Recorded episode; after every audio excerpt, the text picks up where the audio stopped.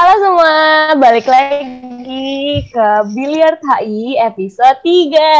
Yeay, hari ini podcastnya ditemenin sama aku Syanda dan juga Dan gue Sika, halo Siapa semuanya. halo. Cek, Halo, halo, halo. mau nanya deh. Wah. Kita kan udah semester 2 nih. Hmm. Terus berarti kita itu magang semester berapa sih? Magang tuh harusnya kalau nggak salah semester 5 6 deh kalau nggak salah ya. Kayak gue denger sih semester 5 6 sih. Iya sih. Tapi Ah. Cek, gue mau nanya deh ke lu kayak gue tuh masih bingung gitu magang tuh apa kayak lu tau gak sih magang tuh apa Kalau gue jujur juga masih kayak minim gitu kan tentang pengetahuan dunia magang gini. Cuma cuma kalau misalnya gue lihat dari observasi gue sendiri ya, magang tuh kayak ya udah gitu kayak trial kita sebelum kerja aja gitu kayak kayak kayak apa ya kayak latihan aja untuk sebelum kerja sih menurut gue sih gitu sih tapi nggak tahu sih kalau belajar misalnya kerja gitu ya iya kayak yaudah latihan aja gitu kalau menurut gue ya. Cuma cuma kayaknya biar lebih jelas lebih enak ini gak sih kayaknya kita, kita nanya aja langsung ke kita nanya expertnya yo iya ke yang punya pengalamannya gitu. Heeh. ayo kita panggil kan kak Talita sama Dan kak Kak Novi. Novi. Halo su- halo kakak-kakak halo kak. Halo. halo halo halo, halo kak. Kak kan kata orang nih kak nggak kenal maka tak tak kenal maka tak sayang. Ah. Nah, Kak, coba perkenalkan diri dulu kak. Biar kita bisa sayang mungkin ke kakak boleh dimulai dari Kanovi sendiri loh kita tahu background latar belakangnya Kanovi itu kayak gimana. Ya halo, nama aku Novi Nurmalasari, dipanggilnya Novi. Aku HI Binusian 2022, dulu HIMHI 2020. Saat ini aku lagi menjalani magang di BPPK Kemlu. Khususnya di eh, kawasan Asia Pasifik dan Afrika. Makasih. uh kan kamu tuh tuh. Cek. Tuh yang lu mau kan cek? Yo iya parah anjir. Yang lu pengen banget sumpah. Yuk. sumpah sumpah. Nah terus kita Keren, lanjut keren, aja ke satu kakak lagi ya. Kali halo Kak Talita. Talita. Halo semuanya, perkenalkan nama aku Talita Safiera selaku mahasiswi HI semester 6 dan sekarang lagi magang di salah satu multinational agency yaitu Lion and Lion. Oh, berarti agak beda nih ya Syek ya. Yang satu dua di pemerintahan iya. yang satu di apa nih di agency agensi gitu agensi kan. nah satunya buat negara satunya buat swasta gitu kan.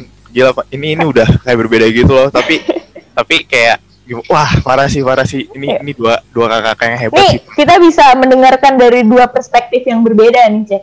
Hmm, hmm, hmm, bisa dong bisa dong pastinya. Soalnya kan soalnya kan tempat magang beda beda udah beda udah beda. Iya. Beda kak lagi tempat, sibuk beda- apa kak? Pada lagi sibuk apa nih? Sibuk kerja kah WFH kah kerjanya atau dari kantor langsung kah atau gimana nih kak? Saat ini WFH sih kalau aku kerjanya, magangnya. Kata itu juga WFH kah? Atau Iya. dari kantor Kayak kalau aku uh, full WFH, tapi kalau mau WFO tuh bisa kayak gitu. oh Oh, hybrid check. Kapan ya sih kita sekolah dari kampus sih? jangan jangan mimpi tinggi tinggi dulu dah lu kerja Kenapa? mimpi tinggi dulu dah kita yang tugas kuliah aja makin keteter apalagi kerja Nah, Kak, kan tadi kita udah dengerin kan eh, Kak Novi eh, di kementerian, terus Kak Talita di agensi gitu. Ada nggak sih Kak perbedaan magang di kementerian sama di agensi ini? Terus kayak gimana sih eh, suasana kerja di kementerian gitu atau di agensi? Boleh nih dari iya, Kak Novi dulu dijawab. Oke, kalau aku mungkin aku gak- kurang bisa jawab pertanyaan yang apa perbedaan magang di negeri dan di swasta karena selama dua semester ini kebetulan aku dua-duanya magang di kementerian yaitu yang pertama di Kementerian Lingkungan Hidup dan Kehutanan dan yang kedua ini di Kementerian Luar Negeri. Jadi kalau untuk pertanyaan itu aku mungkin kurang bisa jawab tapi kalau untuk pertanyaan yang gimana suasana magang di kementerian itu menurut aku benar-benar apa ya eh, seru dan kebetulan di BPK Kemlu ini karena ini merupakan badan yang khusus untuk mengembangkan dan mengkaji sebuah kebijakan jadi ini benar-benar uh, sesuai dan uh, sesuai dan uh, related banget lah sama jurusan kita sekarang dan uh, tentunya uh, aku enjoy dan dapetin banyak manfaat sama ilmu banget sih di sini. Hmm, gitu. Terus ya katanya seru sih. Berarti kita harus cobain kapan-kapan kita harus pasti dong Apa? pasti dong di pastilah Menlu. kan Mm-mm. Mm, parah lah. Berarti tuh kalau misalnya kita main lu tuh kayak ya udah kita yang sesuai Kita- gitu. Ini sih kita Iya, bisa apa? bisa jadi ini pejabat merasakan menjadi seorang pejabat. Masa nggak parah sih? sih. Udah. Iya kan? Iya, Iya kan, bener, bener Kak? banget. Amin, Ya. amin. Amin sih, amin, amin sumpah Amin. amin. Untuk Kak Dalita nih nggak kan kakak eh, gimana nih? Ada nggak perbedaannya menurut kakak? Eh, kalau menurut aku sebelumnya karena kebetulan aku magang di kementerian sebelumnya dan sekarang di swasta, aku bisa merangkum bahwa swasta dan kementerian itu benar-benar beda banget. Nah, sebenarnya aku ada beberapa sedikit stigma aja sih. Aku tuh sering banget dengar katanya bad stigma of agency. Yang pertama tuh katanya kerjanya gila-gilaan, bikin capek, bikin sampai tipes lah gitu. Nah, tapi menurut aku itu semua tergantung sama agensinya sih. Tapi selama aku di agency, aku belum pernah merasakan kata gabut. Setiap hari tuh pasti ada kerjaan dan tanggung jawab yang harus kujalanin. Nah, jadi jadi bagi kalian nih yang workaholic, anti gabut, terus suka dengan dunia advertising dan harus kerja keras, wajib banget daftar di agensi atau enggak eh, swasta lainnya kayak gitu. Karena itu udah pasti banget ada kerjaannya. Mereka emang udah punya timelinenya sendiri gitu soal kerjaannya gitu. Oh, Oh, tuh guys, gitu. dengerin guys, yang suka workaholic dan lain-lainnya, kalau misalnya masuk Iya, agency agency. nggak bakal gabut. Lu nggak bakal malas-malasan di rumah, gue yakin Iya. itu. Bener bisa, banget. me- bener bisa banget. membanggakan orang tua tuh yang biasanya dimarahin kan rebahanmu, rebahanmu. Coba masuk. Masuk Betul. agency, Heeh. besoknya mak lu proud sumpah.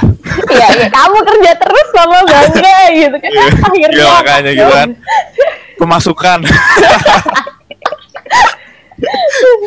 Udah. Iya kan? Nah, yaudah Oke. malah gitu, gitu- kalau gitu kita lanjut ke ini kali ya. Apa? Selanjutnya Pernah pertanyaan apa udah ditunggu-tunggu oleh teman-teman kita nih tentang tentang dunia-dunia magang gitu kan. Nah, Oke. kayak gimana? tet- hmm, Atau tapi gimana? sebelumnya aku mau ngucapin dulu terima kasih ke kakak-kakak udah meluangkan waktunya nih kak walaupun kakak lagi magang mungkin lagi sibuk gitu makasih banget ya kak udah mau ditanya-tanya sama kita Makasih Eh, juga. ya udah mau Udah udah mau sharing gitu kan, udah mau sharing pengalamannya gitu kan ke kita nih para maba dan nanti semester semester bawahnya bakal magang gitu kan, kayak ngasih tahu lingkungan kayak gimana gitu kan. Mungkin udah gimana ya? Kita kita tanya dulu kali ya. Kalau misalnya dari kakak pengalaman sendiri gitu, magang tuh dari mata kakak tuh apa sih sebenarnya sebelum Iya, Kak, kayak- ikut magang? Kayak gimana gitu? Dari Kanovi boleh kakak. deh dimulai gitu.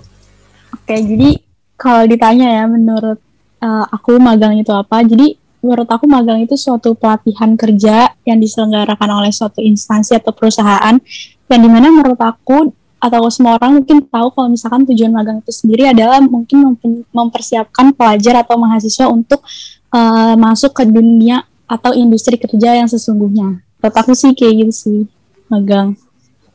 Hmm, benar berarti kan kayak lingkungan kerja, kerja iya. Iya, kalau benar.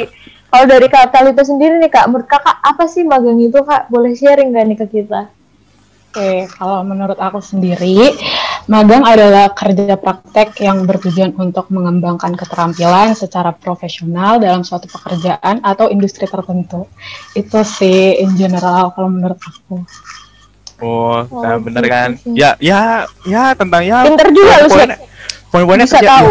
Gue mah emang pinter bro. Wes.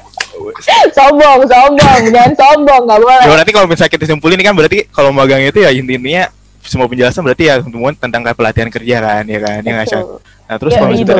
ya kan yaudah terus apa, apalagi sih San kayak gitu lagi apa menurut lu gimana lagi nih apalagi yang Kan- pengen kita gali gitu kan kalau magang tuh kan buat nyiapin kerja gitu ya kak. Kalau menurut kakak nih kayak perlu nggak sih kita tuh magang atau kita kuliah aja gitu.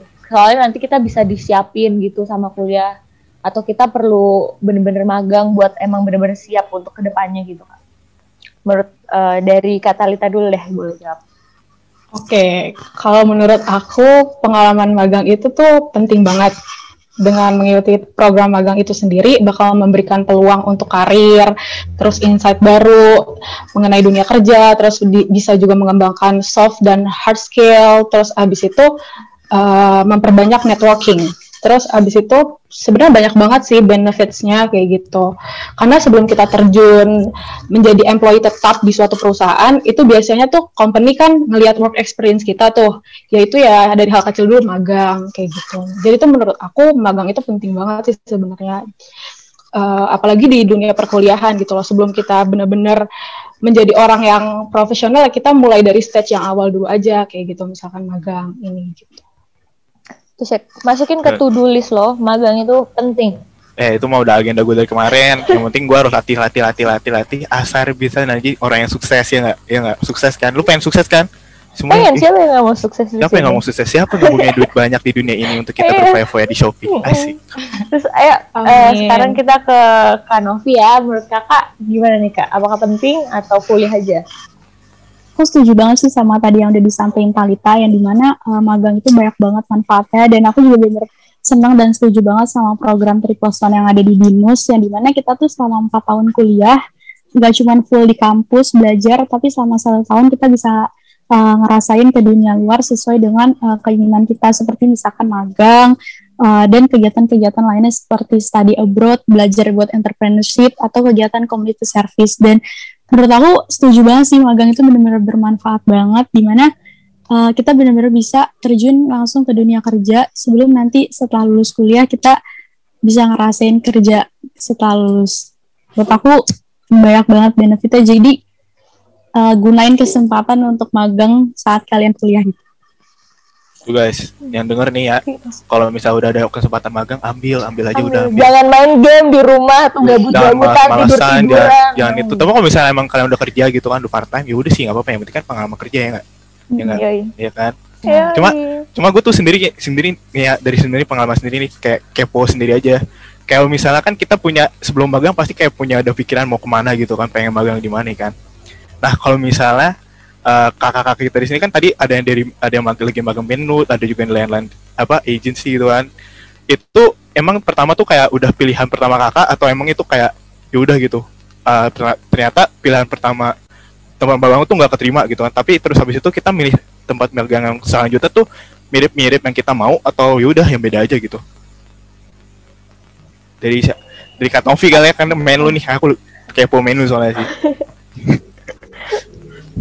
Kalau aku sih untuk yang magang di Kemenlu ini jadi sebelumnya tuh semester sebelumnya aku magang di Kementerian Lingkungan Hidup dan Kehutanan. Nah, untuk yang semester sekarang magang di BPPK Kemenlu ini emang eh, itu pilihan pertama aku untuk di semester ini karena aku benar-benar eh, pengen banget magang yang tentunya berhubungan sama jurusan yang aku pilih sekarang dan eh, apalagi di BPPK ini kan emang spesialisnya itu eh, buat badan yang mengkaji dan mengembangkan suatu kebijakan. Jadi itu benar-benar emang sesuai sama minat aku aja sih magangnya dan aku bener karena sesuai itu aku bener-bener enjoy banget untuk ngejalaninnya sekarang Hmm, berarti kalau misalnya kita milih yang interest, yang pasti kita juga enjoy ngerjainnya nanti efisiensinya bakal lebih ini, iya pasti bakal lebih naik pasti. pasti, ya kan? Jadi ini kita nggak bakal stres gitu segala tuh nggak bakal bingung, Iya. nggak nggak kayak Iya. tugas kuliah, aduh, juga ngomong Berarti tugas kuliah. kalau lo stres tugas kuliah lo gak enjoy dong Syek lo kuliah di HI selama ini keceplosan kan lo Enjoy dong, enjoy, enjoy tidur. Aduh, jangan gitu hmm, kita lanjut Talita aja gimana? Kak Talita nih. Kalau dari aku sendiri, kalau aku tuh eh, emang udah dari awal tuh udah punya target gitu sama prinsip. Ka- aku tuh kalau bisa pengen banget magang itu eh, berdasarkan eh, dari dua hal ini. Pertama itu dari eh, jurusan aku, yaitu streaming aku, trade and business diplomasi. Yang kedua itu passion aku. Nah kebetulan passion aku ini di dalam eh, dalam bidang marketing atau atau public relations. Nah Alhamdulillah aku dapat dua-duanya nih. Kalau yang pertama itu aku magang di Kementerian Perdagangan Republik Indonesia. Uh, itu emang karena based on my streaming kan trade and business business diplomasi di mana aku bisa explore uh, mengenai edukasi atau knowledge yang emang dalam bidang itu. Nah, yang kedua ini menurut aku ini benar-benar passion aku banget marketing di mana itu sebelumnya beda dari uh, pelajaran-pelajaran HI sebelumnya karena I didn't get any knowledge tentang marketing, tentang public relations di HI kan aku nggak dapet itu kan. Jadi uh, sebenarnya aku magang lebih su- suka sesuai passion sih. Uh, di sini tuh aku magang yang di social media intern ini requirement saya itu karena emang uh, keahlian keahlian aku dalam bidang itu kayak gitu. Jadi aku juga ngejalaninnya enjoy, mau dapat kerjaan senumpuk apa pun aku juga enjoy karena kan uh, itu passion aku kan. Kalau misalnya kita menjalani uh, tadi bener tuh kata Seika kalau misalnya kita menjalani dengan passion itu pasti uh, selalu enak banget ngerjainnya kayak gitu. Jadi uh, sebenarnya sebenarnya bagus sih dua-duanya. Kalau aku uh, prefer dua-duanya karena uh, dua-duanya tuh maksudnya magang sesuai passion sama magang sesuai uh, jurusan kita atau streaming kita kayak gitu. Jadi dua-duanya tuh dapat uh, experience-nya dapat, terus uh, ilmunya juga dapat, terus melatih skill kita juga dapat semuanya kayak gitu. Jadi kalau bisa uh, bisa dapetin dua-duanya kayak gitu. Gitu Shan. Ternyata gitu, tuh bisa belajar baru lagi loh. Kan kita HI nih kan, hubungan internasional hmm. kan kayak apa kayak ini kan ngomong-ngomong marketing gitu kan. Kalau misalnya kita masuk ke bidang marketing ya kita apa belajar marketing juga. Wah gila. Wawasan-wawasan parah sih parah sih bakal banyak Pas banget ya. sih kalau saya ternyata nggak kayak di situ aja gitu magang hmm, ternyata tuh ternyata tuh soalnya kan soalnya kan gue lihat kan kayak teman-teman gue kemarin tuh kalau misal lagi ngomongin kayak ngomongin magang gitu tongkrongan gitu kan mereka tuh mikirnya selalu di jurusan doang gitu nggak kesesuai passionnya gitu. Nah, ya kan kayak ya, mm, jadinya takutnya aku gue sih lihatnya mereka tuh kayak jadinya kayak takutnya malah kaku dan pada pada nggak suka. Kalau pada kalau sesuai passion kan ini juga suka gitu kan apalagi kalau misalnya kita kayak gue aja nih gue aja tuh pengen gitu belajar kuliner. Dan apa kayak dan walaupun kayak jurusan gue HI ya itu nggak nge-stop gue untuk kayak magang di tempat kuliner gitu kan asik master chef uh. ya, gitu kan. ya cek semoga semoga tercapai ya chef masuk master chefnya. Amin amin. Menang ya. Ya amin amin. Kalau ya sekali kali masakin buat anak HI kan. Eh, siapa skip. tahu sih kak skip lu kira gue catering. Lu gak ada apa sambil menyelam minum air ya kak?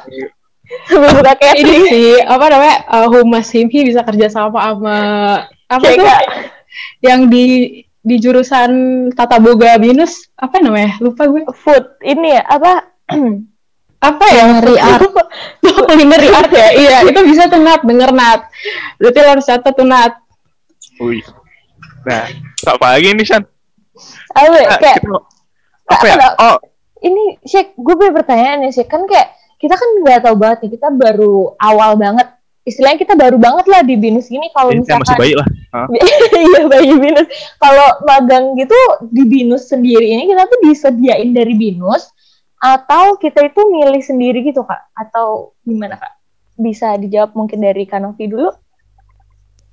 Jadi kalau setahu aku sih ada gitu ada suatu uh, internship apps namanya yaitu emang nyediain kayak uh, lowongan-lowongan ma magang. Tapi semenjak corona ini aku kurang tahu juga ya sebenarnya itu internshipnya internship appsnya masih nyediain atau enggak tapi kalau misalnya untuk aku pribadi selama dua semester aku magang ini dua kali magang di instansi berbeda ini dua-duanya aku uh, cari hasil dari cari sendiri sih gitu. Oh, keren, keren. jadi ada apps-nya. Keren banget. Cek bisa nyari sendiri tuh. Lo bisa nggak cek? orang dalam kalau lu kan cek parah semuanya orang dalam semua tuh di ini orang dalam itu nomor satu itu udah pasti benar benar golden nggak mungkin gak ada orang dalam nggak mungkin. Pasti ada orang dalam. Kalau kalian gimana kak? Ordal juga atau gimana juga oh enggak enggak di swasta jangan pernah berharap orang dalam sih kalau menurut aku. Uh, kalau aku sendiri eh tadi mau nambahin dulu dari Novi. Uh, kayak setahu aku Nov mas intern internship apps-nya itu masih kepake. Soalnya temen aku anak manajemen tuh juga dapat hmm. uh, magang di perusahaan bagus gitu. Tapi dari binusnya hmm. langsung terus kemarin sempat ngecek juga di internship apps itu kayak ada juga kok BUMN yang buka terus uh, swasta juga yang kerja sama sama binus kayak misalkan Telkom terus ada perusahaan elektronik kayak gitu. Sebenarnya tergantung jurusannya juga sih dia nggak buka uh, app-nya atau enggak kayak setahu aku kayak gitu Cuman setahu aku anak HI yang jurusan aku jarang banget sih minta tolong bantuan binus. Hmm. Iya nggak sih Nov? Kita jarang banget. Iya, iya. Rata-rata emang apply dan nyari sendiri sih. Iya benar. Kita harus bangga loh, Chan. Mandiri ya. Anak-anak binus ternyata mandiri. Mandiri. Ah, Apalagi anak-anak HI ya, gitu kan. Lu kan ngajak. Kan lu orang dalam. mandiri ya. orang dalam. Gue mandiri mencari orang dalam. yang kunci kesuksesan kan.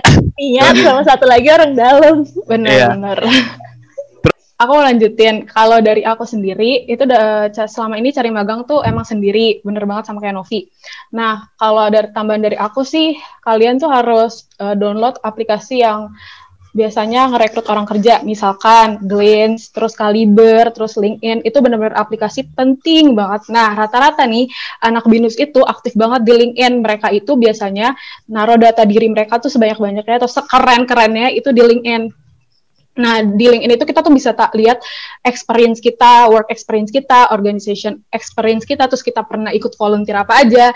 Kita juga bisa lihat uh, achievement mereka tuh apa aja. Benar-benar di LinkedIn tuh adalah tempat HRD uh, cari uh, intern atau pekerja lainnya. Gak cuma di LinkedIn sih ada Glints, ada Kaliber itu sebenarnya kalian banyak-banyak explore aja. Kalau aku sendiri dapat magang di di agency ini karena di LinkedIn aku tiap hari tuh selalu dapat notifikasi tuh uh, open recruitment mulu uh, intern lah, pekerja kontrak lah, freelancer lah. Bener-bener macem banget. Kalian mau cari apa pun di LinkedIn atau di Kaliber atau di Glints yang aplikasi-aplikasi buat uh, kerjaan itu benar-benar seberguna itu sih gitu. Oh, jadi tuh LinkedIn tuh kayak CV terbuka publik gitu ya berarti ya? Iya, sih. Saya kan nggak punya LinkedIn. Gue tuh punya, cuma tuh nggak ada isinya aja. Sama, nggak ngerti pakainya. Nggak ada isinya aja. Nah, tapi oh. we learn something new every day. Kayak gue jujur aja baru tahu ternyata selain LinkedIn ada apps-apps ada lain-lain ya? Iya, lain-lain. Iya, kayak norak banget. Gue cuma tahu LinkedIn doang, sumpah dari kemarin. Kita norak banget ternyata. Makasih banget loh kalau udah dikasih tahu, dikasih tahu loh. Makasih banget. Nah, abis ini download ya, Do eh download ya abis ini. Bakal Belum download kayaknya harus harus bagusin CV dulu sih kak banyak banyak, banyak pengalaman. Apalagi aku kan pertama kali nih kayak masuk organisasi organisasi bahwa belum pernah volunteer sebelumnya. Jadi kayak kayak kayaknya aku rasa dari semester sekarang sampai sebelum magang tuh aku harus kayak gimana ya banyak banyakin pengalaman lah banyak banyakin volunteer banyak banyakinnya aktif aja sih dalam kuliahan ya nggak sih ya nggak sih benar benar banget iya tapi ya, kayak apa? saran gue buat lu sama buat yang dengerin ini aktif di organisasi boleh tapi jangan lupain kewajiban kita buat kuliah buat belajar Iyalah. Antar organisasi aja. lupa tuh nggak belajar tugas-tugas nggak dikerjain gitu gitu. Jelas lah. Pokoknya jangan lupa ya guys, studi itu nomor satu. Ya. Studi. Nomor satu tetap belajar. Kedua baru uang sih nomor satu. Halo lagi. Nggak. Studi pokoknya nomor satu. Pokoknya jangan lupain kuliahan aja. Udah gitu aja. Benar benar benar. Yaudah kalau gitu nomor satunya ada dua deh, Shek. Jajaran. Uang sama studi. Biar imbang. Nggak bisa, nggak bisa. Uang tuh nggak bisa dikalahin tuh. Terus yaudah, kita ya Nah yaudah sekarang tuh yang gue pengen gue kepoin sana dari kemarin tuh gue kepo-kepo banget karena gue selalu deg kalau misalnya ada interview. Ya kan apalagi interview buat kerja nih kan. Hmm. Kayak pasti kita kan biaya kuliahan baru terjun ke dunia magang tuh kan baru pertama kali ke dunia HRD gitu kan. Nah, yeah. pas kakak udah dapet notifikasi untuk interview nih kan, pasti ada interview kan itu kayak kakak-kakak kita yang sekarang itu nyiapinnya kayak gimana sih biar siap mental, siap diri, siap hmm. pengetahuan hmm. gitu-gitu gimana sih? Apa yang perlu disiapin untuk ya, terjun ke dunia permagangan ini, gitu. Kak? Ya, Kak. Oke. Okay. Eh, siapa dulu? boleh, bebas. Uh, apa boleh, Kanovi boleh. Iya. Oke, okay.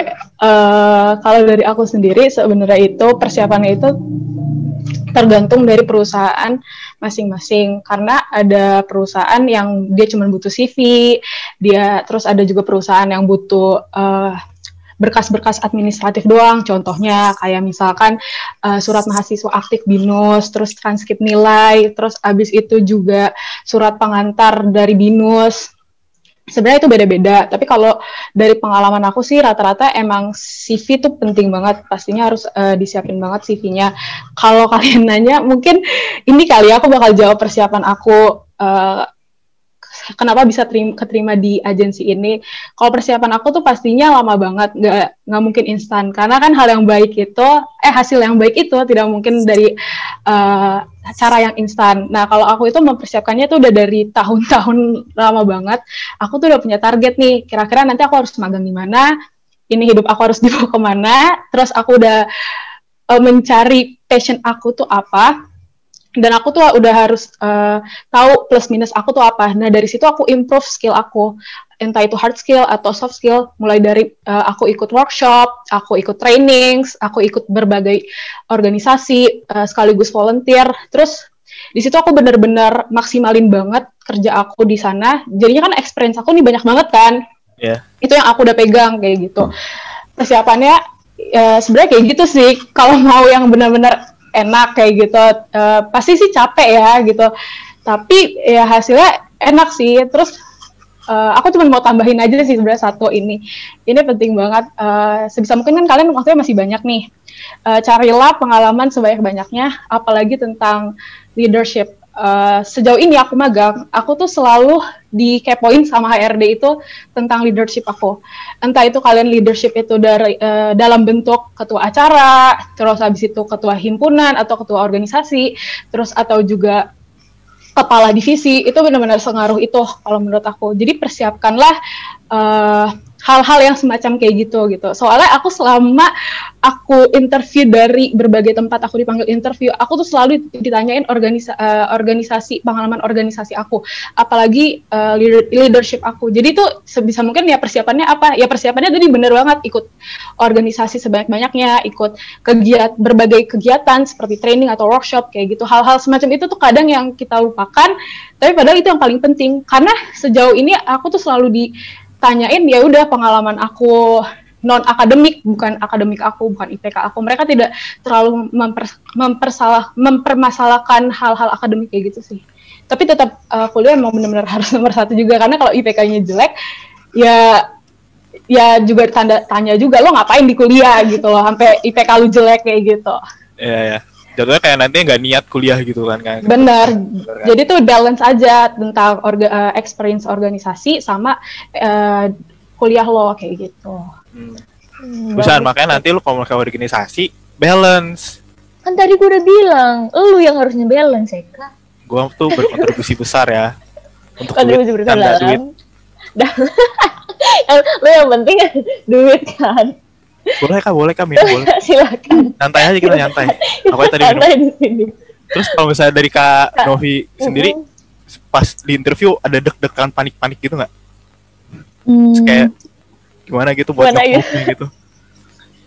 Oke, jadi sebelumnya aku bener udah lagi-lagi aku setuju banget sih sama yang udah disampaikan sama Talita tadi. Overall ya sama aja sih. Pertama emang kalian tuh harus tahu gitu untuk kalian tuh mau tujuan magangnya ke mana. Nah setelah tahu instansi yang mau ke mana, kalian juga harus tentuin kalian tuh mau ada di divisi atau di uh, job desk ngerjain job, job desk bagian apa. Nah jadi uh, setelah dari situ baru kalian uh, harus nyiapin dokumen-dokumen yang dibutuhin karena emang setiap instansi itu kan uh, kebutuhan atau requirement dokumennya beda-beda kan. Uh, ada requirement IPK juga beda-beda setiap instansi. Jadi itu benar kalian harus persiapin banget kayak misalkan tadi CV, surat keterangan mahasiswa, transkrip nilai, atau bahkan uh, motivational letter atau esai gitu. Dan kalau misalkan ngerjain dokumen-dokumen itu, apalagi motivational letter atau esai itu benar-benar uh, nggak uh, bisa dalam sistem kebut semalam gitu loh. Jadi kayak benar-benar harus dikerjain, harus benar-benar direview ulang.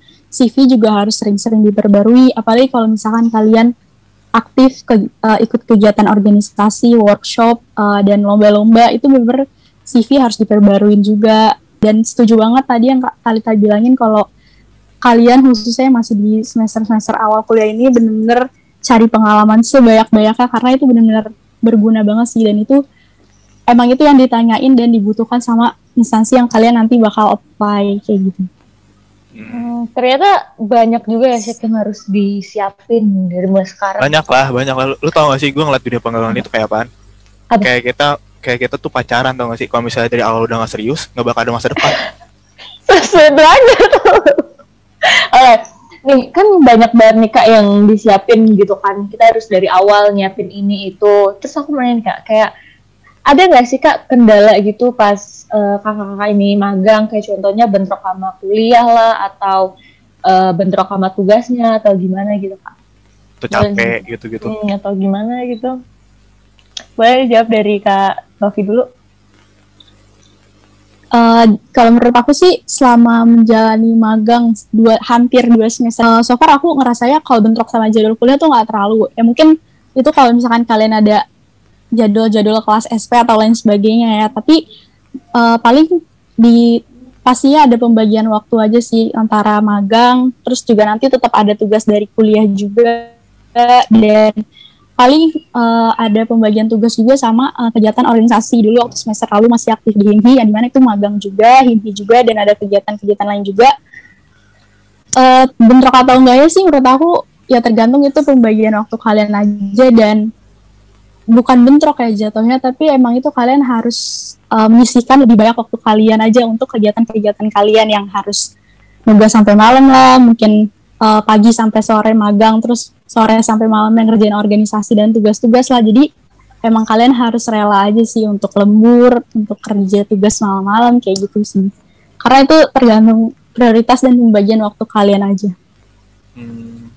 Berarti berarti tuh yang aku tangkap tuh ya uh, sebenarnya tuh time management tuh emang udah udah kayak harus kita punya gitu Ya, loh. pasti. Ya ya Iya. sih? Jadi kalau dan misalnya harus rela harus rela kalau capek emangnya harus rela ya capek udah gitu itu loh itu efek apa sebab dan akibat dari kita magang gitu. gitu. loh. Ngerti gak sih? Jadi kalau misalnya kita mau Oke. magang ya udah tahu dulu akibatnya lu bakal capek gitu kan. Kalau capek ya ngapain? Ya tidur lah beristirahat ya nggak? Ya jangan maksa gitu kalau Ya, lu capek. jangan- enjoy enjoy aja gitu saya kayak santuy gitu kan enjoy yang penting Makanya, masa depan cerah Cerah loh. Benar, benar. Terus kalau dari kata kita gimana? sekarang. Eh, aku ini sih, aku menyetujui banget eh, kata-kata Novi kan karena emang kita lagi kebetulan dapat enrichment program dari Binus eh, magang, jadi full tuh dua semester magang. Jadi kalau dapat tugas dari kuliah mungkin terlalu banget kayak gitu. Mungkin aku bakal jawab ini kali ya perspektif aku ketika ngebagi waktu organisasi atau kegiatan di luar kampus sama magang aku ya karena biasa lebih banyak tugas organisasi ya. Iya nggak sih dari dulu selalu diberarti diriwahkan oleh Himhi kayak Nata juga magangnya di Himhi ya Nata?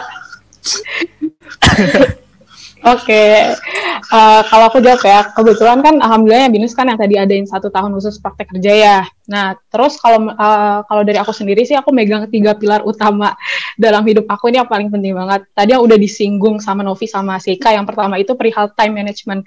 Itu bener banget, kita harus tahu skala priori- prioritas kita. Eh, Kira-kira urgensi eh, urgensi yang mana duluan nih yang punya urgensi yang eh, lebih tinggi, yang urgent itu yang mana kayak gitu dengan adanya time management yang bagus, terus kita juga udah ngerti situasi dan skala prioritas kita kayak gimana, kita nggak bakal keteteran eh, eh, tugas entah itu dari magang, organisasi atau tugas dari kampus eh, assignment tentang internship kayak gitu. Kita kan juga pasti tahu dong eh, deadline-nya tuh kapan, terus abis itu tingkat kesulitan tugasnya tuh seperti apa, dan kita juga udah harus tahu nih, oh oke kalau ini duluan eh, ini deadline-nya lebih duluan, oke gue harus ngerjain yang ini dulu. Terus oh ini eh, lebih gampang nih, oke gue bisa lah kerjain dalam 30 menit, mungkin eh, ini eh, ini dulu yang gue kerjain tugas magang gue dulu kayak gitu. Misalkan itu contoh ya. Terus yang kedua itu aku itu soal megang bener banget tadi kata Novi komitmen. Kalau udah punya ko- komitmen dalam setiap eh, pekerjaan yang kita ambil tuh aku yakin 100% eh, kita tuh nggak bakal ada yang lalai dari tugas. Jadi tuh sebaiknya kalau ada tugas tuh selalu ingat, oh iya, gue masih mahasiswa nih, gue eh, udah komit kan, udah mau eh, udah mau lulus tepat waktu, terus abis itu gue nggak mau eh, karir gue berantakan, misalkan kayak gitu.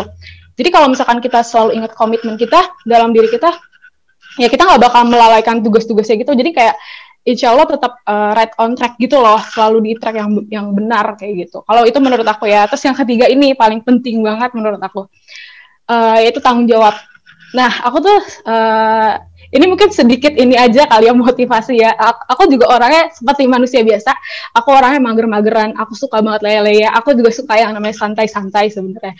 Tapi di sisi lain, kalau aku selalu ingat tanggung jawab, kata tanggung jawab tuh itu sebagai motivasi aku kayak Tal jangan sampai nyesel loh nanti hidup lo leye-leye ntar lo di masa depan nyesel kenapa ya gue nggak pernah melakukan ini kenapa ya gue lalai dari tugas gue yang ini kenapa ya gue dulu nggak bisa tanggung jawab atas eh, tugas gue sendiri kalau kalian udah megang tiga prinsip itu sih menurut aku. Itu tiga prinsip ala aku yang paling penting. Yang tadi pertama time management. Yang kedua komitmen yang ketiga tanggung jawab. Itu sih menurut aku. Eh, tiga paling penting. Kalau misalkan kalian kalian udah bisa kalian ya udah. Gampang banget. Eh, mau tugas ini organisasi kelar tugas magang juga kelar. Soalnya aku ini sedikit cerita nggak apa-apa nih Kalau Eh, apa? Kan kita sharing kan? Iya, Kalau kita aja. sharing ini tujuannya. Cerita aja Based nggak on- apa-apa. Oke, based on my experience, gue tuh selalu ikut organisasi. Pertama yang kemarin waktu itu di HIMPI di kampus, dalam kampus. Yang kedua gue juga ikut organisasi di luar kampus dan sama magang. Ya selagi gue megang tiga eh, tiga hal tadi eh, yang krusial itu, ya gue nggak ada masalah apa apa gue tetap lancar-lancar aja magang lancar organisasi lancar kayak gitu. Jadi volunteer juga lancar kayak gitu. Jadi sebenarnya balik lagi sih ke diri sendiri gitu loh. Lo mau nggak nih tanggung jawab sama tugas-tugas lo kayak gitu.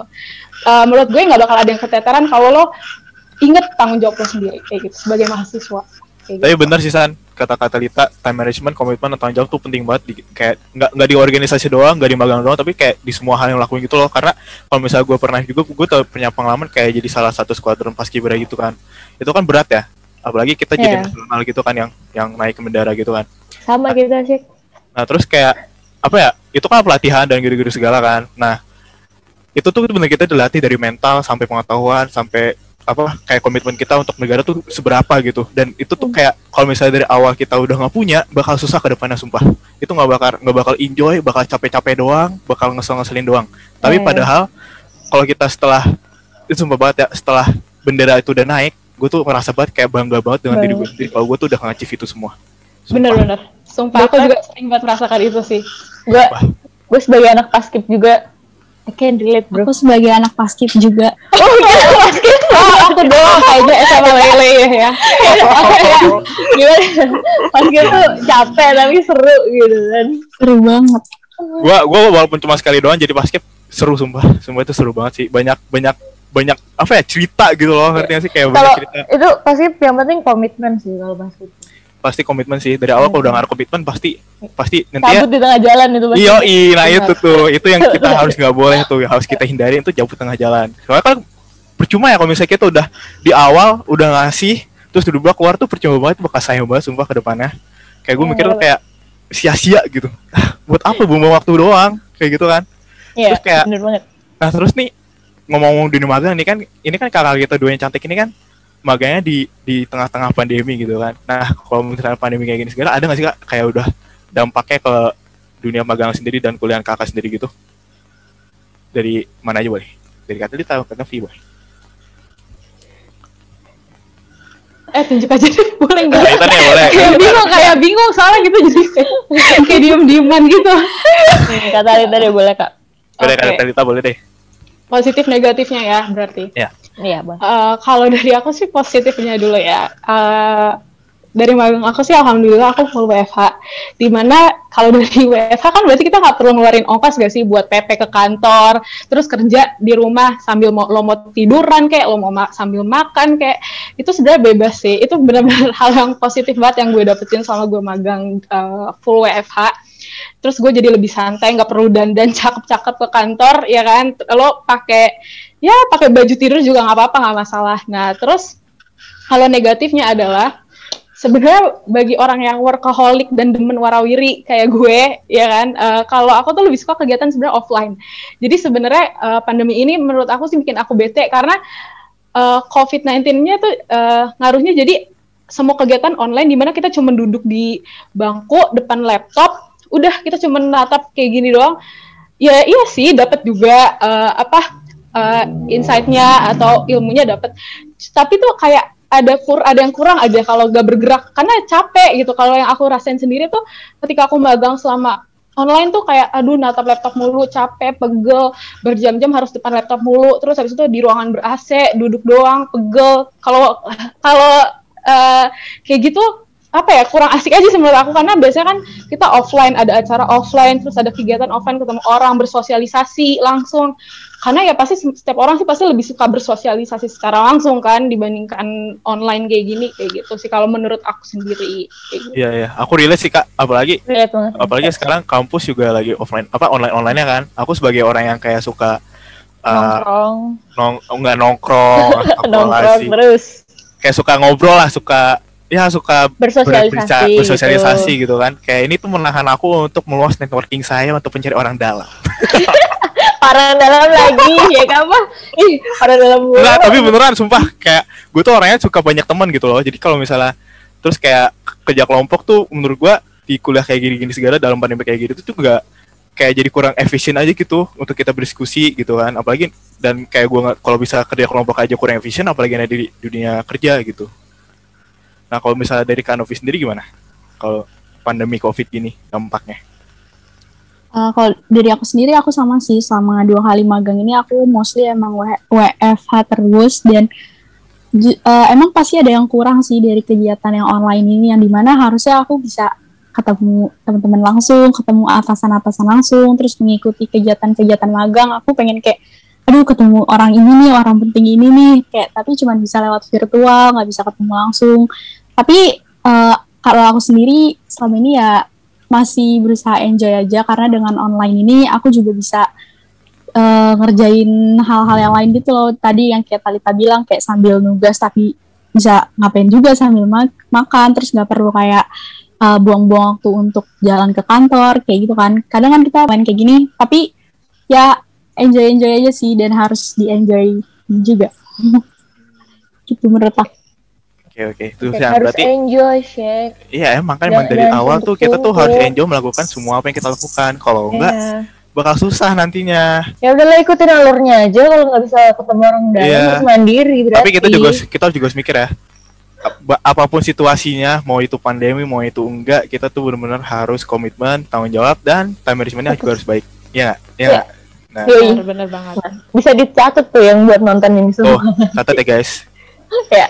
Oh, nah kak sebelum kita ngakhirin podcast kali ini nih, eh kita bakal bacain beberapa pertanyaan dari beberapa warga HI Binus yang kepo banget dari eh, kepo banget di dunia permagangan. Soalnya kemarin kita udah kayak adain Q&A di Instagram HI Binus gitu kak. Eh, dari pertanyaan-pertanyaan kak, gimana sih cara apply magang di kementerian? Kayak apakah perlu persyaratan atau khusus untuk daftar di kementerian gitu kayak apakah ada persyarat khusus atau tidak gitu untuk apply di kementerian? Boleh dari Kak Novi deh, Novi, kayak gitu. ya. Eh, ya menurut aku yang paling penting ya itu dulu kalian harus tahu kalian mau masuk kementerian mana spesifiknya dan eh, untuk di divisi mana karena setiap instansi kan pasti requirement beda-beda kan tapi yang harus eh, kalian eh, persiapin ya tentunya tadi kayak eh, dokumen-dokumen tadi karena ya itu aku bilang ins- setiap instansi juga keperluan dokumennya juga beda-beda nah kalau dulu tuh aku pasti banget eh, nyiapin yang namanya CV transkrip nilai dari semester 1 sampai semester 4, semester 5. Eh, terus ada mm, surat keterangan mahasiswa aktif kayak gitu-gitu. Eh, dan eh, tentunya eh, kalau mis terus apa sih tadi ini ada chat nih. Eh, itu tadi Ini bisa dikit gak sih? Bisa bisa. Lanjut dulu aja lanjut. Lanjut Kak. lanjut kak lanjut. Biar udah itu juga sih. maaf ya. Buyar, buyar, nyawa buyar lagi. Ulang, ulang aja kali ya, ulang aja kali ya, Nov. ulang deh, ulang, ulang, ulang, ulang boleh nggak? Boleh deh, boleh boleh. Eh enggak, sorry, sorry. Gue mau namain dulu. Tadi kenapa gue nanya kayak gitu? Karena kan ini konsep podcastnya itu kan, eh, apa namanya, gue yang pihak, eh, perspektif swastanya. Kalau Novi kan kementeriannya, jadi Oh. kenapa gue nanya kayak gitu? Kalau takutnya kalau kalau gue jawab juga, jadi gue kayak, eh, apa ya, jadi nggak, apa, di track yang benar gitu loh, ngerti? Oh, Oh iya. iya, ya udah. Siap, siap, Untuk siap. pertanyaan ini khusus untuk Kak Novi deh. Iya, Spesial buat gitu. Kak Novi. Udah Spesial booking ini. sama Kak Novi. Ya udah ulang aja nih. Iya, ulang deh, Novi. Nanyanya ulang nggak? Gak usah kan langsung aja nggak apa-apa. Oh, langsung jawab aja. Ya. Jadi tadi pertanyaannya apa aja yang disiapkan dan diperlukan saat mau magang di kementerian. Itu yang pertama kalian harus tahu mau magang di kementerian yang mana. Terus harus tahu juga masuk mau masuk divisi atau ngerjain bagi eh, do- job desk apa aja dan karena setiap instansi kementerian itu juga pasti requirement beda-beda kan. Terus yang kedua yang harus kalian persiapin tentunya dokumen-dokumen tadi yang udah disebutin. Eh, kalau aku sih udah pasti banget eh, waktu itu nyiapin CV, surat keterangan surat keterangan mahasiswa aktif, eh, transkrip nilai. K- tapi jujur ya kalau misalkan tadi dibilang ordal-ordal gitu, yang magang aku yang sekarang di BPK Kemlu ini, aku bener-bener nggak pakai ordal, aku bener-bener kayak karena Kemlu ini merupakan target utama aku, jadi aku bener dari eh, sebelum semester 6 berjalan nih aku bener-bener eh, datengin eh, Kementerian Luar Negerinya langsung buat nanya buka magang atau enggak, terus ternyata uh, disuruh email, disuruh email dan dikasih tahu uh, suruh emailin dokumen apa aja dan dari situ aku apply. Jadi benar kayak harus kalian tuju dan harus ya datengin langsung, email langsung, hubungin langsung dan dari situ kalian tahu sih karena itu karena aku bener gak pakai ordal gitu jadi apply langsung. Gitu Keren keren kerja keras untuk masuk keren banget. Parah parah. Mandiri kan Novi. Terus yang terus pertanyaan kedua nih dari teman kita di High Windows itu pertanyaan apa aja sih yang biasanya kakak tanyakan? Atau menurut kakak pertanyaan yang bagus pada saat interview interviewer bertanya apakah ada pertanyaan gitu? Nah boleh dari kak Talita deh. Oke. Wow, ada yang nanya sejauh ini ya rupanya. Kaget kalau kalau dari aku sendiri, aku sih selalu nanya ya yang apa namanya yang basic sih biasanya. Pertama aku tuh eh, setiap di interview magang aku selalu nanya pertama dari latar belakang company-nya. Jadi dari satu pertanyaan itu jadi eh, ke mana-mana pasti langsung ngebahas eh, detail tentang eh, company-nya dari berdirinya lah, terus company-nya itu bergerak dalam bidang apa, terus company-nya juga dia itu eh, spesialis eh, spesialisasinya tuh apa gitu. Terus yang kedua eh, setelah habis nanya latar belakangnya aku lebih eh, detail sih nanya. Aku lebih nanya ada nggak sih di company ini dalam dalam company ini tuh ada nggak sih culture kayak khusus? Biasa kan kalau setiap company itu ada culture khususnya gitu kan. Eh, mereka tuh biasa sering ada apa gitu, misalkan weekly eh, event atau eh, misalkan mereka suka ada acara-acara Eh, aku juga nanya yang ketiga biasanya aku nanya tentang job desk-nya apa? Job desk di eh, yang aku apply itu apa? Eh, lebih detail karena kan biasanya kalau cuman di aplikasi atau di requirements-nya kan nggak terlalu eh, detail kan cuman kayak singkat-singkat doang eh, poin-poin doang singkat-singkat doang. Nah itu aku jadi lebih tahu eh, dari situ apa yang eh, aku bakal daftar eh, posisi itu aku jadi lebih tahu aku bakal ngapain aja terus nanti siapa yang bakal aku urus siapa pihak eksternal kita terus siapa yang bakal kerja sama sama kita di dalam magang selama kita magang kayak gitu. Biasa aku nanya tiga pertanyaan itu doang sih kayak gitu. oh. Oke oke oke oke oke. Berarti pertanyaan-pertanyaan terkait company dan Jadi yang kita pilih ya yang kita pengen isi gitu ya. Isinya. Kalau misalnya dari kata Lita gimana? Ada atau culture-nya juga ya. iya yo bener kayaknya. Ini ini baru sih buat gua. Ternyata kita boleh Kalau- bertanya juga ke Harde gitu. Kita bisa Ternyata kita bisa iya. Selain di interview kita nginterview juga ya kan. di Iya, makanya kalau dari Iya. kata Lita gitu dari eh kata Lita kan tuh dari kata Lita udah jawab Hai. kalau dari Kak Novi Kak gimana pas di kementerian gitu pernah nggak ditanya-tanya Kalau dari aku, kalau misalkan setelah interview atau setelah di briefing dijelasin gitu, aku pasti nanya. eh, yang pertama tadi bener-bener bener banget aku nanya gimana budaya kerja di instansi yang aku jalanin sekarang. Karena eh, dulu di se- selama online ini kan pasti eh, budaya juga pasti berubah juga dong daripada yang offline. Karena dulu waktu di Kementerian Lingkungan mungkin aku nggak ada kayak eh, sesi absen atau kayak gimana. Tapi di setelah aku nanya gimana budaya atau culture di perusahaan ini kayak sekarang di Kemenlu ini dijelasin gitu kayak aku harus absensi jam berapa harus check out absen jam berapa sistem absen harus gimana. Itu dijelasin dari pertanyaan yang aku tanyain. Terus selain itu aku juga uh, suka nanya kayak project uh, atau kerjaan pertama apa nih yang pertama yang kira-kira nanti aku bakal kerjain setelah aku masuk di instansi ini. Jadi uh, khususnya di BPPK ini khususnya untuk wilayah aku untuk wilayah Asia Pasifik dan Afrika aku pasti nanya kayak uh, sekarang BPPK khususnya di kawasan itu sedang mengerjakan proyek apa dan nanti proyek pertama apa yang aku uh, bakal bantu kerjain kayak gitu sih. oh Oh gitu, ternyata shek. Nah, Tidak. Kak kan tadi eh, kakak udah bilang kalau misalkan setiap perusahaan tuh ada culture-nya masing-masing gitu ya kak. Gimana sih kak eh, cara menyesuaikan diri kita yang dari lingkup perkuliahan ke lingkup magang gitu? Gimana cara menyesuaikan kita eh, diri kita ke culture-culture yang ada di perusahaan-perusahaan tersebut kak? boleh dari Kak Novi deh Kak- Kak Novi ya, Mbak. Eh, menurut aku ya, kalau misalkan menyesuaikan culture itu yang paling pertama apa ya?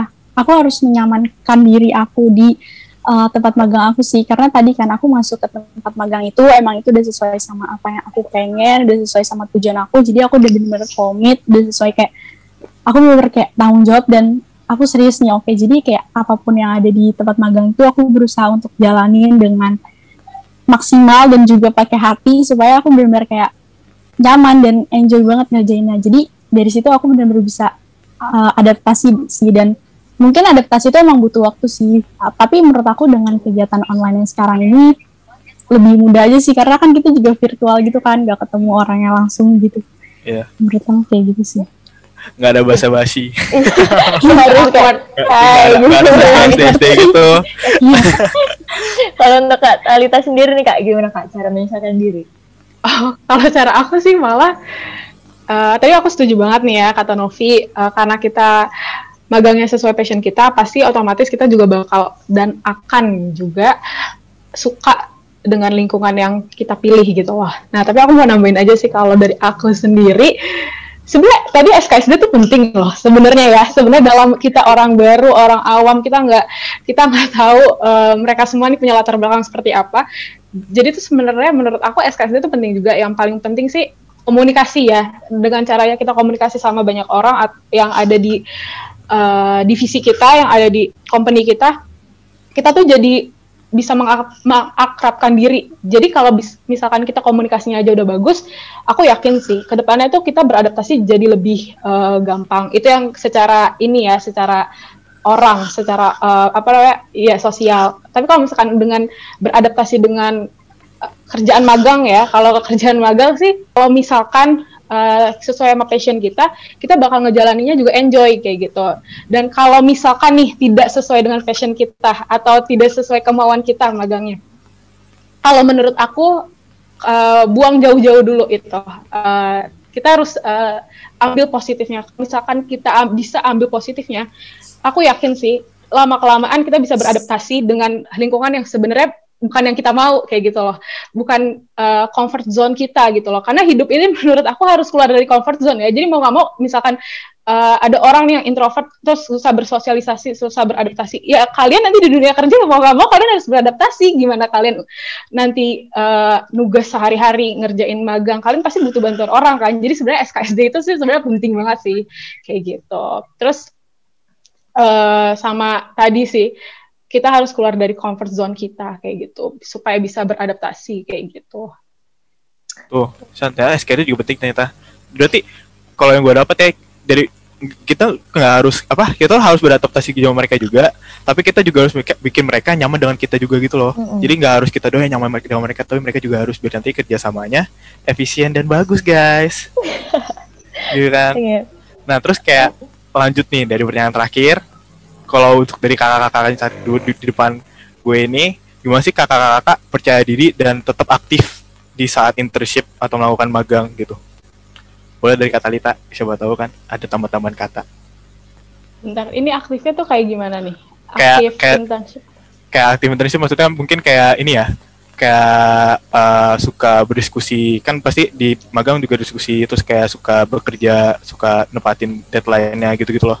Mungkin kayak gitu mungkin ya Oh oke, okay. mungkin itu ya uh, lebih ke saran sih ya mungkin kalau menurut aku kalau di tempat magang kita udah mau nggak mau kita tuh harus proaktif gitu loh, harus uh, inisiatif, aktif itu udah pasti banget. Karena kan yang nilai kita bukan orang yang kita kenal kan, bukan yang ter yang biasanya kita selalu komunikasi dan uh, bukan orang yang kita uh, sering komunikasi sebelumnya orang baru kan. Jadi menurut aku hal-hal semacam kecil gitu kayak misalkan tadi uh, sifat proaktif, terus inisiatif, uh, itu tuh penting banget. Jadi ya kita emang harus aktif sih uh, kalau misalkan kita nggak dikasih tugas ya kita nanya kak ada yang bisa uh, saya bantu kah kayak gitu. Sebenarnya dari mulai dari sekarang sih kita harus tanamin mindset kita itu sebenarnya dari mindset uh, kita sendiri sih gimana caranya kita tuh supaya uh, lebih aktif, lebih proaktif kayak gitu, lebih ini uh, lebih inisiatif kayak gitu. Terus ya jangan jangan ngikutin orang mulu sih, kita harus nanya juga ke orang. Kalau nggak disuruh ya kita nanya. Iya benar. Jangan takut pokoknya kalau magang itu jangan pernah ada kata takut sih kalau kalian nggak ngerti ya udah bilang aja nggak ngerti gitu kan toh kalau belajar kalau magang tuh uh, kita belajar kan apalagi yeah. kalau misalkan magang baru pertama kali kita baru magang pertama kali pasti clueless dong yang biasa kita cuma ngerjain paper uh, terus assignment kampus kita sekarang benar-benar yang berat kita dikasih tugas yang biasanya uh, bukan dia bukan apa bukan bidang kita misalkan kayak gitu jadi benar-benar yang hal-hal baru kayak gitu tuh sebenarnya ya pelan-pelan sih gitu. Pelan-pelan harus kita uh, coba untuk aktif kayak gitu, untuk beradaptasi dengan hal-hal tersebut kayak gitu. Kayak peribahasa itu nggak sih, San? Sesat ah malu bertanya sesat di jalan. Asik. Nah, iya mantap itu banget. tuh.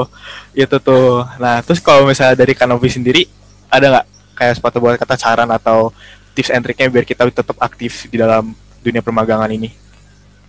Ya aku setuju banget sih sama yang tadi dibilang Talita. Mungkin nanti kalau kalian udah mau deket-deket magang, mungkin kalian bakal denger kali ya kalau misalkan magang di kementerian atau apa tuh bakal gabut dan lain sebagainya. Tapi jujur aku sama sekali gak ngerasain gabut karena ya itu tadi kayak itu tergantung inisiatif dari kalian aja. Kalau misalkan emang hari itu kalian gak dikasih tugas, ya kalian yang nanya aktif Bu, Pak ada nggak tugas yang bisa saya bantu?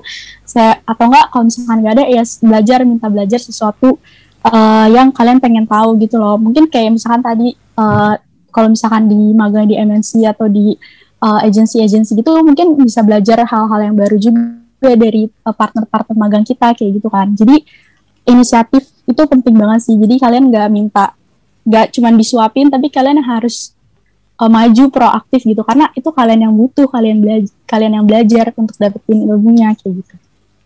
Hmm, jadi inisiatif untuk mendapatkan tugas guys. Itu penting di kementerian. Yeah.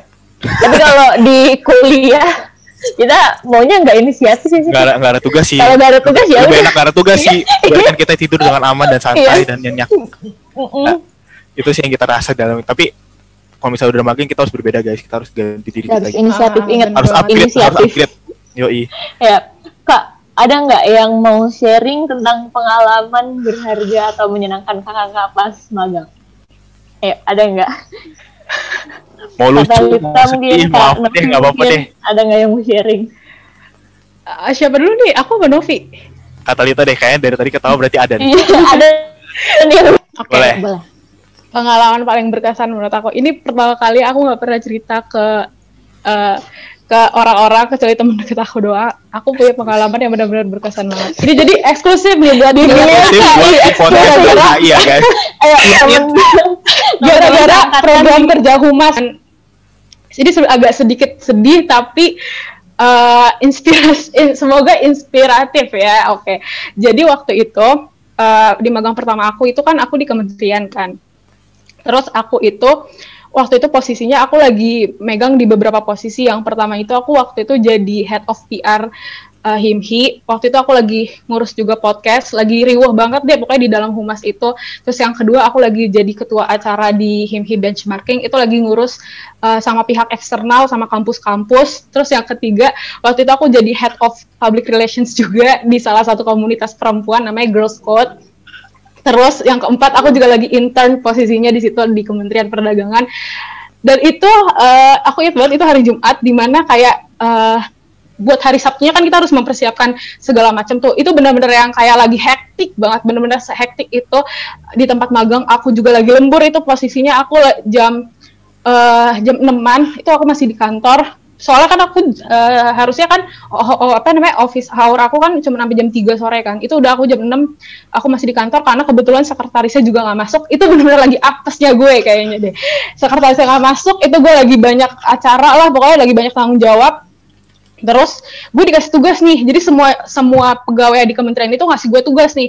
Banyak banget abrek-abrek terus akhirnya aku uh, aku nangis di di kementerian juga aku nangis. Aku nangis kayak uh, ya Allah uh, ternyata tuh kerja tuh capek banget ya. Aku tuh langsung uh, di situ aku langsung ingat mama aku sih. Uh, sebenarnya orang tua aku aku ingat orang tua aku tapi aku lebih ingat sama mama aku sih. Karena kan kalau uh, apa ya kerja itu tuh capek ya. Ternyata aku dalam hati tuh aku mikir oh ternyata gini ya uh, rasanya lembur rasanya uh, cari uang. Oh gini ya rasanya kerja uh, secapek ini kayak gitu. Terus apalagi waktu itu aku di kementerian itu aku unpaid internship gak dibayar. Jadi tuh aku bener-bener yang ngerasain oh gini ya uh, rasanya cari uang tuh susah ya kayak gitu. Di situ aku benar-benar nangis banget. Aku semenjak itu aku benar-benar yang na namanya aku mengeluarkan uang tuh aku benar-benar berkali-kali lipat aku tuh selalu mikir semenjak itu. Jadi tuh aku tuh benar-benar itu diuji banget sih kayak mungkin itu sebagai tamparan kali ya dari Tuhan. Aduh serem banget nih gue bawa Tuhan.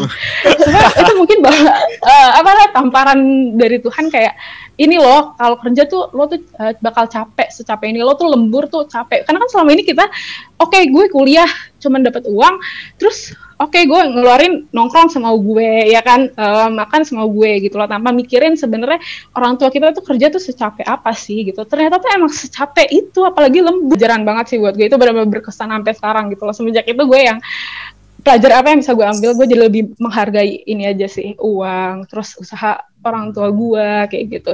Uh, gimana cara mereka bekerja kayak gitu. Jadi benar-benar wah itu gila. Jadinya ya itu waktu itu tanggung jawab aku sebagai posisi aku jadi kepala divisi atau ketua acara tapi juga intern. Itu benar-benar yang kayak wah double responsibilities banget sih. Itu benar-benar wah gila banget. Uh Gila sih, Eh, gue kalau udah kayak jadi- gitu gimana ya? Udah udah kayak, gue. lupa deg-degan gue. Gue tuh Kayak, kayak, bisa nggak ya kita nanti? gue tuh kayak udah kayak ngerasa Tuhan tuh nih, gue latih lu biar kayak cobaan keluarga nih. gitu kan. bener ah, Parah. bener banget bisa. Saya nih jadi orang tua gitu. Wah, gila. Uh, harus hargai orang tua nih sih mulai sekarang gue. Ayo untuk Kak Novi, like, Kak Novi ada nggak nih yang mau diomongin, mau diceritain gitu Kak?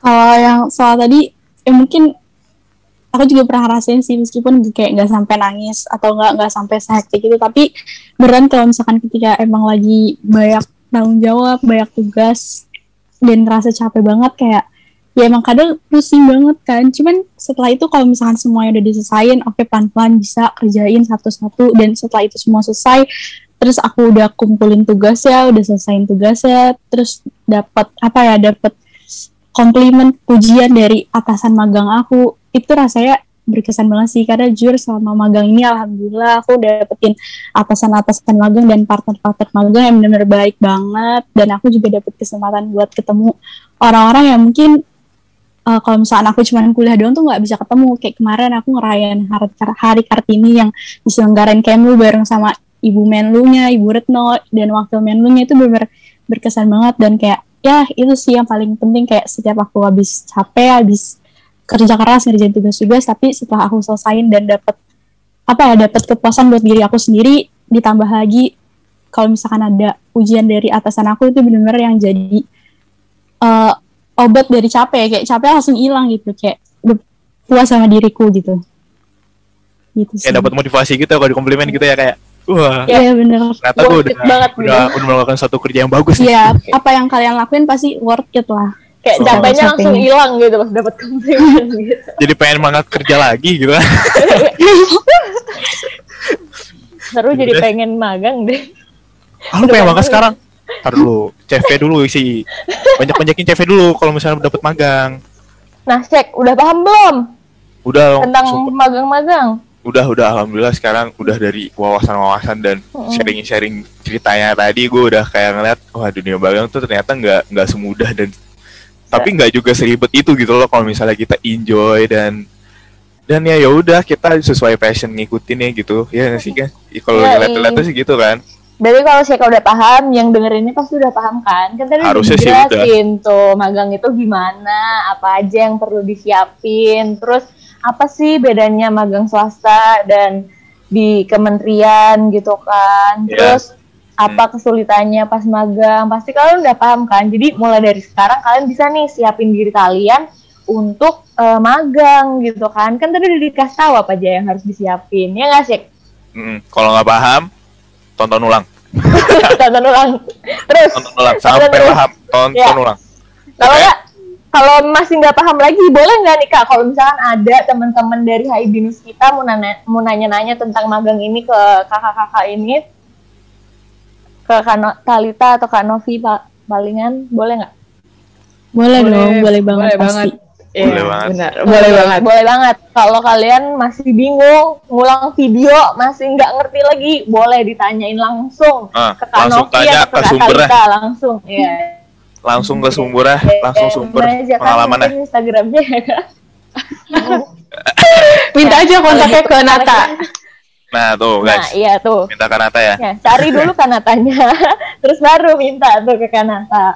ya udah jadi Oh, gue cuma yaudah ya, gue cuma pengen ini ntar dulu ntar dulu sabar biar biar mereka tetap Apa, ingat apa nih?